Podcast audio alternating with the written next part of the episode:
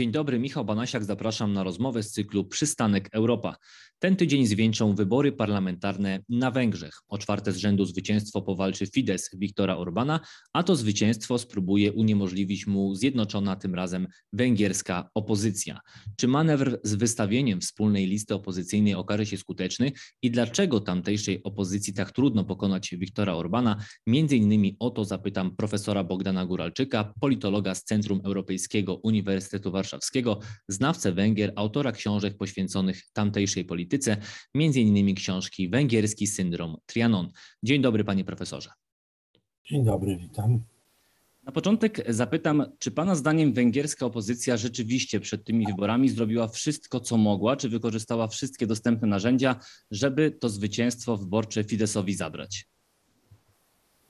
No, nigdy, nie, nigdy nie jest wszystko i pewnie zawsze można zrobić coś więcej. Natomiast wyciągnęła wnioski z, po pierwsze z poprzednich e, trzech kampanii wyborczych, po drugie z ordynacji wyborczej, która ma system Dehonta i zwycięzca bierze wszystko. Orban to dopracował e, i dostosował do swoich wymogów. I trzeba grać na tych warunkach, jakie on postawił. Stąd też już w grudniu 2020 e, roku pojawiła się koncepcja i pierwszy pomysł, no, że sześć e, partii opozycyjnych, parlamentarnych, ale nie tylko, połączy się, zrobili odezwę programową. W lecie ubiegłego roku, akurat byłem na Węgrzech, były prawybory i z tych prawyborów wyłoniło się dwoje kandydatów E, i wśród nich rozegrała się walka, kto zostanie. Tak naprawdę to było troje.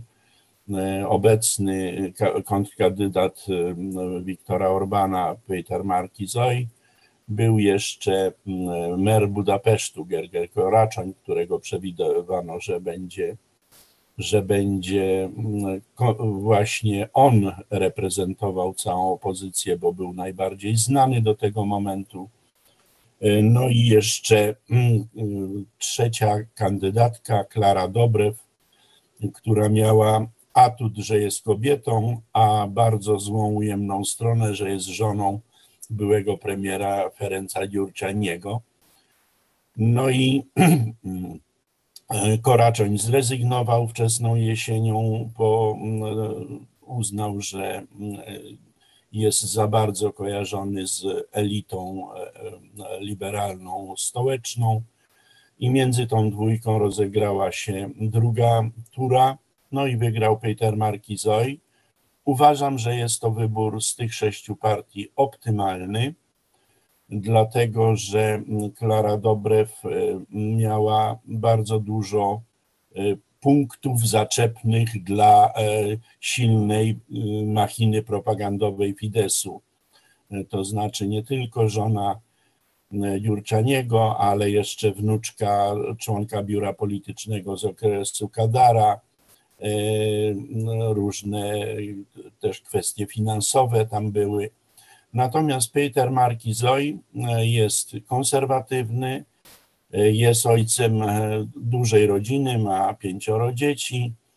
E, na dodatek świetnie mówi po angielsku, bo wiele lat przebywał za granicą e, i dał się poznać tak naprawdę opinii publicznej kilka lat temu, kiedy wygrał wybory na mera miasta nie do wymówienia przez Polaków Hołd-Mez Waszarhej, 45 tysięcy mieszkańców no i była to sensacja, bo wyjęto e, e, cygaro z, z pudełka Fidesu.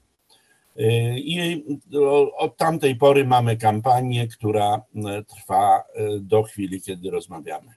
Wspomniał Pan o tej ordynacji wyborczej, która bardzo utrudnia pokonanie Wiktora Orbana i jego partii. E, jak e, to się stało w ciągu tych ostatnich 12 lat rządów Wiktora Orbana, że doszliśmy do punktu, w którym nawet jedna lista zjednoczonej opozycji może nie wystarczyć do tego, aby mm, uzyskać większość, nawet jeśli dostanie się mm, większość głosów oddanych przez wyborców. Bo możemy sobie wyobrazić taką sytuację, że bezwzględnie większa liczba Węgrów zagłosuje na opozycję, a ostatecznie to Fidesz będzie zwycięzcą wyborów. Po pierwsze, trzeba y, bardzo wyraźnie podkreślić, że nie ma jednej kategorii Węgra w tej chwili, podobnie jak Polaka. Są, jak wiadomo, plemiona, plemiona polityczne. I na Węgrzech ten rozkład sił jest inny niż w Polsce. To znaczy jest około 2,5 miliona ludzi związanych egzystencjalnie z Fidesem, bo on dokonał tego, co fachowcy nazywają state capture, czyli przejęli wszystkie instytucje możliwe w państwie. I te osoby będą bronić e, swojego po prostu. E, czyli mm, mamy obóz Fidesu i on ma gwarantowane 30 czy nawet 33% z definicji. Drugi obóz to jest ta opozycja poszatkowana, ale głównie liberalna, głównie socjalistyczna i głównie w dużych miastach. I jak ona jest silna, zobaczymy teraz w tych wyborach, bo jeszcześmy jej nie sprawdzali, mimo że ona jest bardzo zróżnicowana od socjalistów po Jobbik. Chcę powiedzieć, że Jobbik trochę poszedł na bardziej na centrowe pozycje. Ten skrajny elektorat zagospodarował raczej, raczej Fidesz.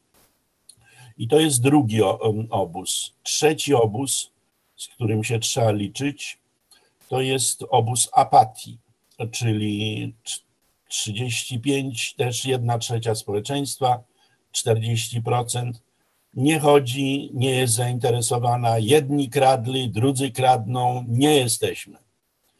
I bardzo trudno jest ich ruszyć, bardzo trudno poruszyć ich z tych posad.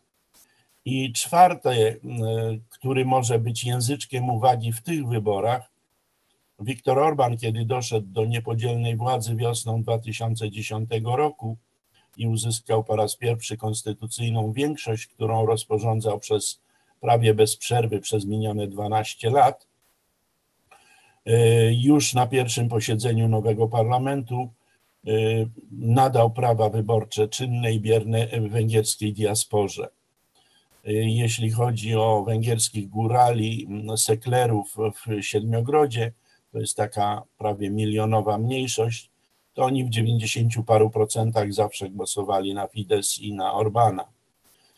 Poza tym oni głosują często przy pomocy poczty, a to już daje asumpt do podejrzeń, że Y, może się sprawdzić stara, znana zasada, nieważne kto głosuje, ważne kto liczy głosy. Jeśli to razem złożymy, to widzimy, że Fidesz i Viktor Orban ma ogromne przewagi, a na dodatek jeszcze jest bardzo złożona e, ordynacja wyborcza, bo ona e, jest jakby złożona z dwóch e, głównych elementów do Zgromadzenia Narodowego Węgierskiego, czyli parlamentu jednoizbowego, jest 199 foteli, ale aż 106 jest w jednomandatowych okręgach wyborczych, które oczywiście skrojono pod potrzeby Fideszu. Natomiast dla mnie, i to jest największa dla mnie niewiadoma, może w tym może być nawet niespodzianka, zaskoczenie, bo nigdyśmy do tego nie, nie, nie, w ten sposób nie sprawdzali, że w każdym z tych 106 okręgów ta zjednoczona opozycja wystawiła najsilniejszego swojego kandydata bez względu na jego, z której partii pochodzi. I to jest rzeczywiste, prawdziwe wyzwanie.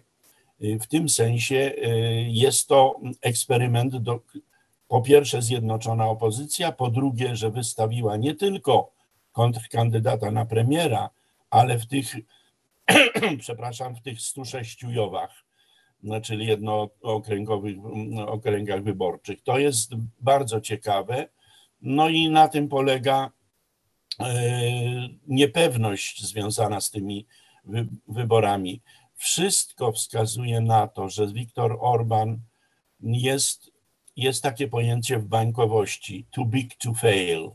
Jest zbyt duży, żeby go naruszyć, bo ma wszystkie instytucje, e, instrumenty, ludzi, kadry, e, służby, media, nawet sądownictwo. W tym sensie to musiałaby być bardzo duża przewaga opozycji, żeby ona wygrała. Z tym, że tak, chce pan chciałbym zapytać, Tak, bo chciałbym zapytać o taką partię, która nazywa się Partią Psa o dwóch ogonach. To jest partia satyryczna i ona według sondaży może liczyć na 2-3% poparcie. I chciałbym zapytać, czym owa partia jest, dlaczego nie znalazła się na liście opozycyjnej i czy może się okazać, że te 2-3% poparcia, które zbierze, to będzie poparcie bardzo istotne w kontekście tego, kto te wybory wygra, biorąc pod uwagę właśnie ordynację wyborczą. To jest partia happeningowa, takim jak była kiedyś pomarańczowa alternatywa e, w latach 80. w Polsce. E, I ona nie jest partią parlamentarną. Te, które się zjednoczyły, mają jakieś przedstawicielstwa, przynajmniej poselskie. E, stąd nie znalazła się, ale też nie chciała że ze względu na to, że ona prześmiewa nawet, jeśli trzeba, socjalistów czy liberałów. E, w tym sensie ona idzie swoją drogą. E, I czy te 2%? No mogą te 2% teraz ważyć, niewątpliwie. E, z tym, że wydaje mi się, że w zależności od tego, co się stanie, jest ciekawe. Bo jeśli Viktor Orban wygra, co należy zakładać, mając najnowsze sondaże i sytuację, którą opisałem, to Viktor Orban jest izolowany na scenie międzynarodowej. Rozpadła się z hukiem Grupa Wyszehradzka. Viktor Orban absolutnie nie ma zaufania Amerykanów, w tym sensie i w NATO, no i chyba w Unii Europejskiej y, też będzie izolowany czyli rozpadła się jak domek z kart w minionym miesiącu po 24 lutego jego strategia otwarcia na wschód.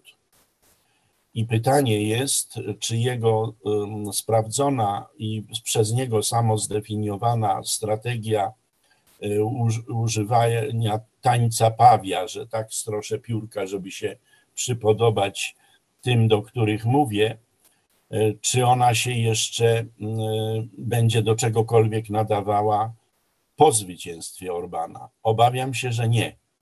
Że na ile ten on... miesiąc wojenny, na ile ta izolacja międzynarodowa, na ile to, w jaki sposób Viktor Orban wobec tej wojny się ustosunkowuje, jaka jest narracja, czy jego samego, czy też w węgierskich prorządowych mediach, na ile to będzie miało znaczenie w niedzielę przy urnach wyborczych?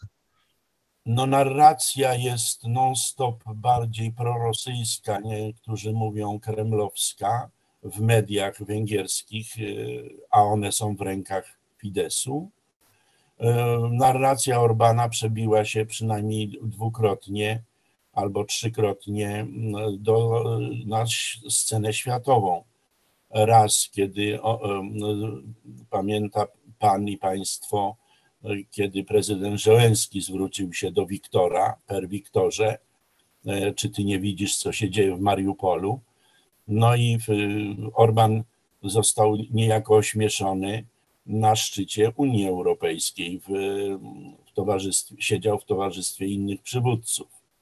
No i odpowiedział w swoisty sposób e, później, jak już wrócił w węgierskim Radio Koszut, o tym, że on jest prawnikiem a, i korzysta z doświadczeń prawniczych, a ktoś inny jest aktorem i korzysta z doświadczeń aktorskich, co wywołało e, zasłużone oburzenie e, na arenie międzynarodowej, natomiast e, na Węgrzech jest przyjmowane. I Zwłaszcza, że mnie... Wołodymyr Załęski też jest z wykształcenia prawnikiem, a Viktor Orban de facto nie przepracował w zawodzie. Się dopiero okazało, Orban tego nie wiedział najwyraźniej to mówiąc, ale powinien był sprawdzić.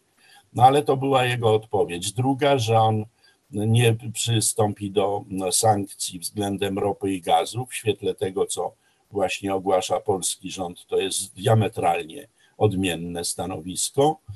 No, po trzecie, jeszcze mówił, że nie będzie wpuszczał, e, przepuszczał transportów broni i armii e, i wojsk natowskich. Ostatecznie już się na wojska natowskie częściowo godzi bo już się przystosowuje do okresu po zwycięstwie kolejnym, jak rozumiem. Natomiast dla mnie kolejnym takim papierkiem lakmusowym jest to, czy opinia międzynarodowa, która jest bardzo zła dla Orbana i dla Węgier w tej chwili, będzie ważąca, czy też no, zwycięży propaganda fidesowska, która jest prowadzona pod jednym głównym hasłem. My chcemy pokoju, a ci inni, w tym Polacy, no to chcą zawieruchy i wprowadzą nas do wojny.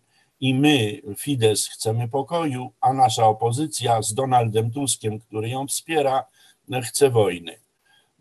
I to do wielu Węgrów na prowincji zdecydowanie trafia. Zobaczymy, co będzie silniejsze. Natomiast niezmiernie ciekawa byłaby sytuacja, gdyby wygrała opozycja. To jest mniejsze prawdopodobieństwo, ale warto to określić. Otóż Viktor Orban e, bardzo szybko po przejęciu tej e, większości parlamentarnej, bo już z, z dniem 1 stycznia 2012 roku wprowadził nową konstytucję. Na jej mocy zmienił zresztą nazwę państwa z Republika Węgierska na Węgry. Ten zabieg jest dla bardzo zrozumiały. Węgry są wszędzie tam, gdzie mieszkają Węgrzy, a nie tak, jak jest e, narysowane są granice na mapach, prawda? Dlatego, jak mówił teraz e, na ostatnim święcie narodowym 15 marca, po jednej stronie Dunaju on przemawiał, a po drugiej stronie Dunaju przemawiał Donald Tusk. Tak się złożyło, którego zresztą Orban, przyjaciel z boiska kiedyś, kiedyś w gałę razem e, walili, a teraz tak. Orbana był czarnym kotem, który najpierw rozwalił swoją partię, a potem Europejską Partię Ludową według e, słów Orbana. Także tak wygląda przyjaźń w polityce. E, I obydwaj panowie reprezentowali jakby inne nurty. No i teraz ta opozycja, gdyby wygrała, to ona ma straszliwy problem, ponieważ Orban konstytucję obudował ponad setką tak zwanych ustaw e, okołokonstytucyjnych, e, w których w każdej zadbał o to, jest zapis, że można ją zmienić tylko kwalifikowaną większością dwóch trzecich. Proszę mi znaleźć w normalnej demokracji kwalifikowaną większość tak od ręki ad hoc. To jest bardzo trudne. Innymi słowy, e, doradcy prawni e, wokół zjednoczonej opozycji, bo to tak się nazywa NMZ, Elenzyk Sefogasz, to należy tłumaczyć jako e, połączona opozycja. Doradcy prawni mówią, że natychmiast po wygraniu wyborów trzeba organizować referendum konstytucyjne i zmienić konstytucję, bo inaczej rządzić się krajem nie da, dlatego że Orban ma tylu ludzi, tyle instytucji i takie wpływy, że taką, mm, taki rząd czy taką koalicję w trymiga by rozwalił. I Bez należy na to, się... o czym Pan wspomniał, że mm, Viktor Orban jest za duży, żeby upaść i też, że rzeczywiście przez te lata udało mu się tak zabetonować scenę polityczną, że nawet zwycięstwo wyborcze może tego nie zmienić. I chciałbym w związku z tym też zapytać Pana, czy jeżeli okazałoby się, że opozycja tych wyborów nie wygra albo wygra tak niewielką mm, ilością głosów, że nie będzie w stanie rządzić, to czy to nie sprawi, że mm, opozycja i jej wyborcy pomyślą sobie, no skoro nawet zwycięstwo wyborcze, skoro nawet zjednoczenie się nic nam nie dało, no to znaczy, że Wiktora Orbana, że Fidesu nie można pokonać. I czy to nie sprawi, że rzeczywiście mm, nastąpi mm, takie zniechęcenie tych y, wyborców do, do polityki i ten obóz apatii, o którym też Pan już dzisiaj wspomniał, e, nie stanie się jeszcze większy, bo Węgrzy pomyślą sobie, włącznie z politykami opozycji, że w takich warunkach, jakie Viktor y, Orban przez lata stworzył, po prostu nie da się go pokonać. Tutaj jak na dłoni widać, jak wielką cezurą była agresja Putina i data 24 lutego. Gdyby mm, nie było tej agresji i Orban wygrał, a zjednoczona opozycja przegrała, to byłoby dokładnie tak, jak pan mówi. Byłaby wielka apatia. Natomiast sytuacja jest gruntownie inna sytuacja Węgier i Orbana na arenie międzynarodowej gruntownie się zmieniła. Coraz więcej osób, ja również uważam, że on stanął po złej stronie historii. Źle wybrał strategicznie, bo ma maskę przyjaciela Putina. I bardzo mu będzie trudno to zdjąć, mimo że jest politykiem doświadczonym, sprawnym, efektywnym, co nieraz udowadniał. Ale tym razem zakręt jest dużo głębszy i ma cały świat zachodni, czego nie przewidywał. Raczej zakładał, że Unia się rozleci, że Komisja Europejska sobie nie da rady i tak dalej. I mamy jego wiele wypowiedzi na ten temat. Czyli jego załamała się strategia otwarcia na wschód i nie wiem, jak z tego wyjdzie, a to załamanie będzie jak najbardziej wodą na młyn dla opozycji. Zmiana na pewno nastąpi jedna, że po tych wyborach na pewno Fidesz nie będzie już miał kwalifikowanej konstytucyjnej większości. To niby y, jest mało, ale może cieszyć, bo wreszcie nie będzie, Orban to nazwał centralisch Erütyr, czyli taka jedna silna, centralna partia, ugrupowanie, y, moc, y, a wokół niej są tylko maleńkie partyjki, które nic nie znaczą. No Otóż pod tym względem scena węgierska na pewno po 3 kwietnia bieżącego roku się zmieni i to jest nowa jakość i równocześnie będzie duża presja, bo Węgry też graniczą z Ukrainą, e, i Amerykanów, i świata euroatlantyckiego, i Unii Europejskiej, żeby Węgry się dostosowywały.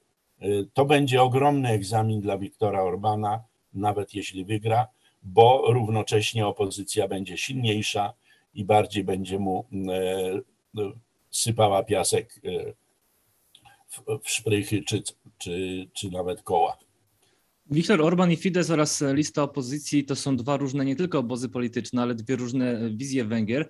W związku z tym mnie dziwi na przykład to, że w sondażach wciąż kilkanaście procent Węgrów jest określonych jako niezdecydowani. Z czego to wynika, że na kilka dni przed wyborami wciąż są osoby, które nie są w stanie określić, czy zagłosują na Fidesz, czy na opozycję, chociaż to są, tak jak już powiedziałem, dwie zupełnie odmienne wizje.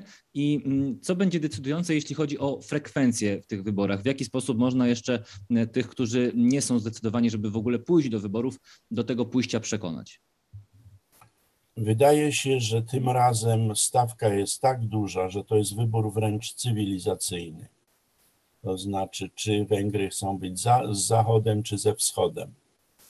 I, I tak to ustawia w swojej kolei propagandzie e, opozycja bo Fidesz rzucił plakaty z podobizną e, Petera Markizoj i napisem 100% Jurczań, czyli e, że jeżeli ten przyjdzie do władzy, to będzie jak za Dziurczaniego, którego źle się na Węgrzech wspomina, bo to się kryzys wewnętrzny nałożył na kryzys 2008 roku i doprowadził do rozpadu e, całej koalicji najpierw, a potem głębokiego kryzysu.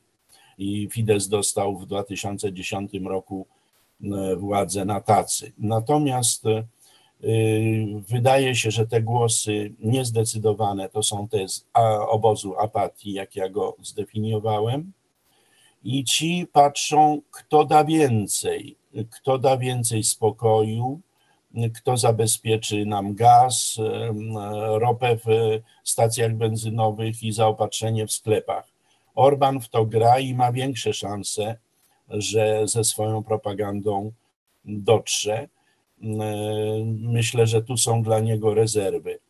Równocześnie są sondaże i no, przepowiednie, że frekwencja może być wyjątkowo wysoka, nawet pod 80%, no, co jest w ogóle w Polsce niewyobrażalne i nie było też na Węgrzech dotychczas. Ja oczywiście wiem, że często deklaracje, a pójście do urn to nie jest to samo, e, ale myślę, że 70% może być.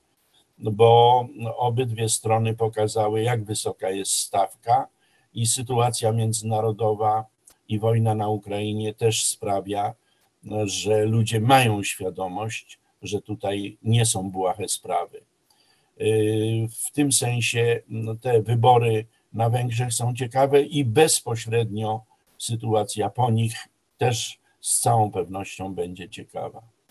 Pewnością te wybory to nie będzie finał, a jedynie wstęp do tego, co będzie się działo w węgierskiej polityce w nadchodzących miesiącach.